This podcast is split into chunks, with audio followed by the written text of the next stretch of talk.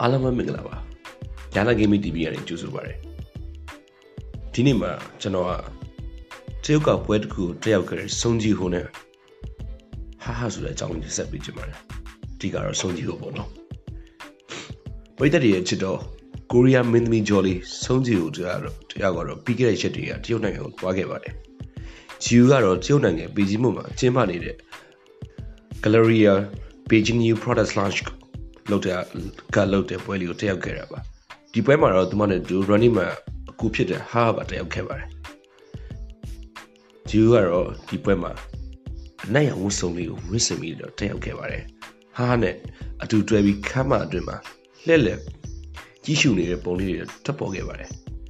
ချီပီသက်တွေကလည်းလီစိတ်မှတဲ့ဝမ်းသာအရကျူဆူအားပေးခဲ့ရတဲ့ဗီဒီယိုဖိုင်တွေကလည်း Twitter စာမျက်နှာပေါ်မှာထွက်ပေါ်လာခဲ့ပါသေးတယ် ဂျူကတော့ဩဂတ်စ်လ15ရက်1982ခုနှစ်မှာမွေးဖွားခဲ့တဲ့အတွက်သူမရဲ့တက်ကအခုဆိုရင်38နှစ်ရှိနေပါပြီ